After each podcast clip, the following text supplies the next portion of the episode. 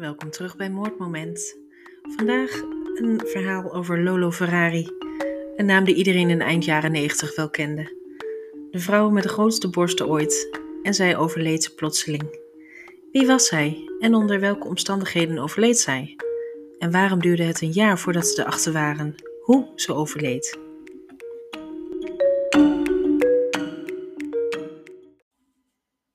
Lolo Ferrari werd als Yves Geneviève Aline Valois geboren in Clermont-Ferrand, Frankrijk, op 9 februari 1963. Haar jeugd bracht ze samen met haar vier broers en zussen door in de badplaats La Boule aan de Atlantische kust. Ze sprak vaak over haar problematische jeugd. Haar vader was ingenieur en weinig tot niet in haar leven aanwezig. Haar moeder, Catherine Valois, was een sportlerares en ze verafschuwde haar. Yves begon in haar tienerjaren met een baantje in de bioscoop en wist op eigen kracht een paar modelopdrachten binnen te slepen. In 1988 trouwde ze op 25-jarige leeftijd met Erik Veen, een 41-jarige voormalige drugsdealer die net uit de gevangenis was vrijgelaten. Vanwege haar succes in het modellenwerk nam hij de managementtaken op zich. Na enkele jaren werd Erik gearresteerd omdat hij haar ook als prostituee liet werken. Operaties. Op Erik zijn aanmoedigingen liet ze vanaf 1990 haar al van nature bovengemiddelde boezem maar liefst 22 keer opereren. En ze wisselde de steeds groter wordende implantaten voor een nog groter exemplaar. Uiteindelijk haalde ze daarmee het Guinness Book of Records in 2003. Het boek geeft aan dat elk van haar borsten op dat moment 2,8 kilo wogen en per stuk 3 liter zoutoplossing bevatten. Daarnaast liet ze zich aan haar ogen, neus en lippen opereren. De borstimplantaten zelf waren beroemd, aangezien ze door de ingenieur waren ontworpen die ook had meegewerkt aan het ontwerp van de Boeing 747. Met een geschatte BH-maat van ongeveer 36 T of 36 triple M was een speciaal voor haar ontworpen bustehouder geen overbodige luxe. Naar aanleiding van de vele operaties en complicaties ontstonden er een aantal aandoeningen waar Lolo zwaar onder leed. Zo had ze, onder andere, slaapproblemen, omdat ze door haar borstomvang niet op haar rug of buik kon slapen. Hiervoor kreeg ze verschillende zeer zware medicijnen voorgeschreven. Lolo.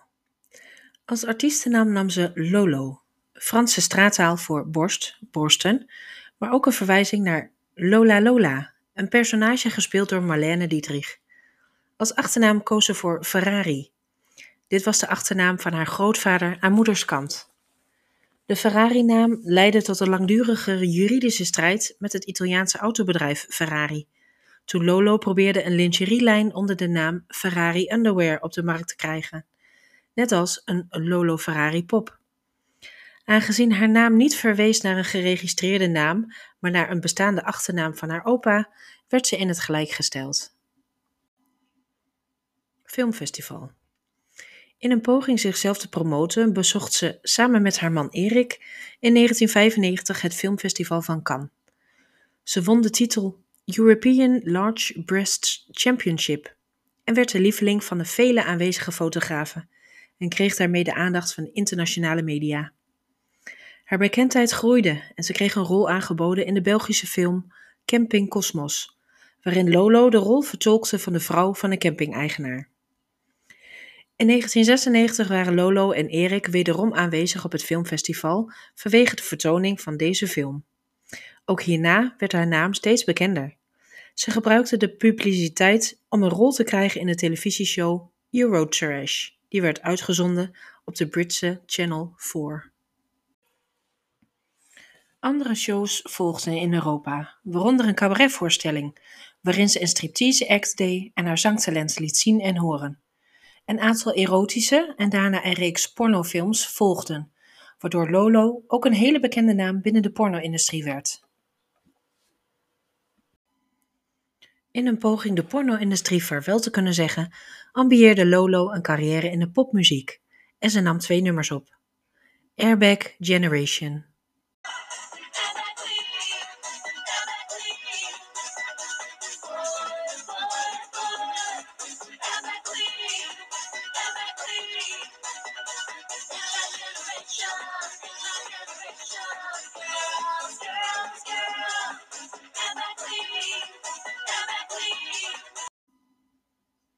Daarna volgde Set Me Free.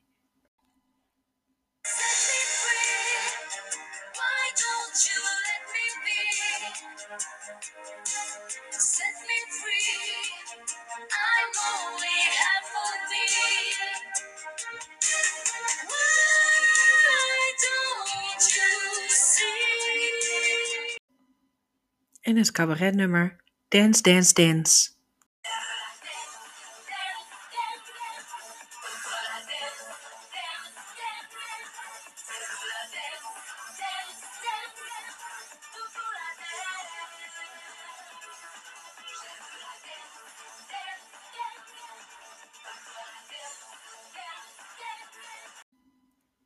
Tot slot kwam er nog een disco-hitcover, Do Not Leave Me This Way.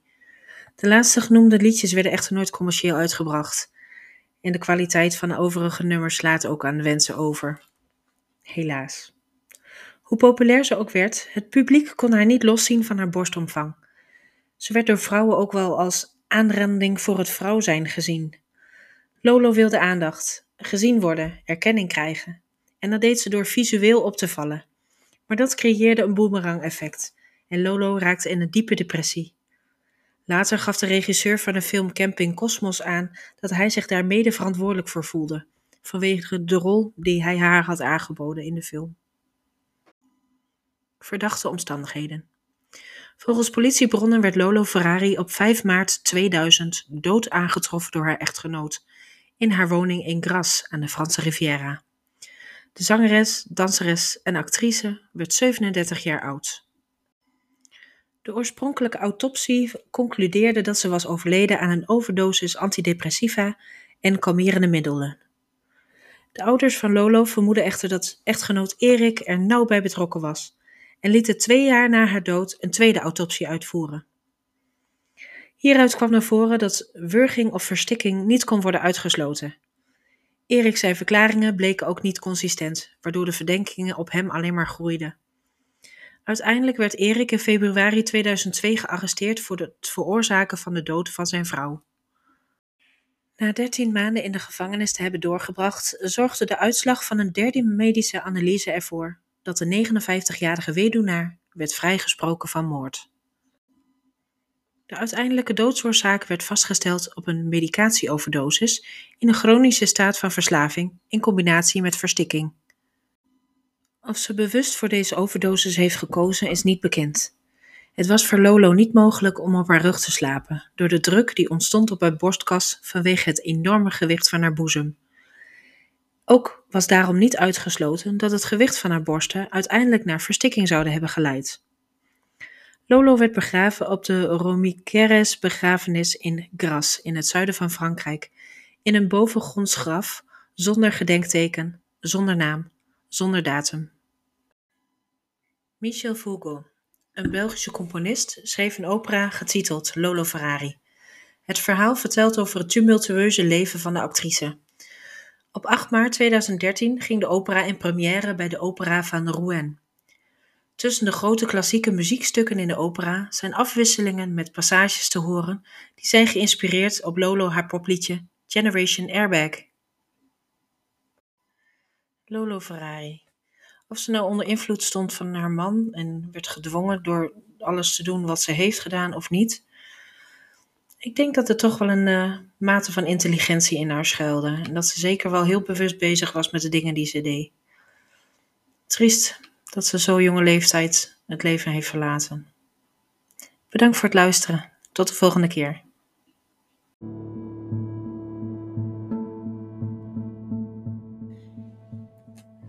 Het verhaal wat je zojuist hoorde is inclusief beeldmateriaal terug te vinden op moordmoment.blogspot.com.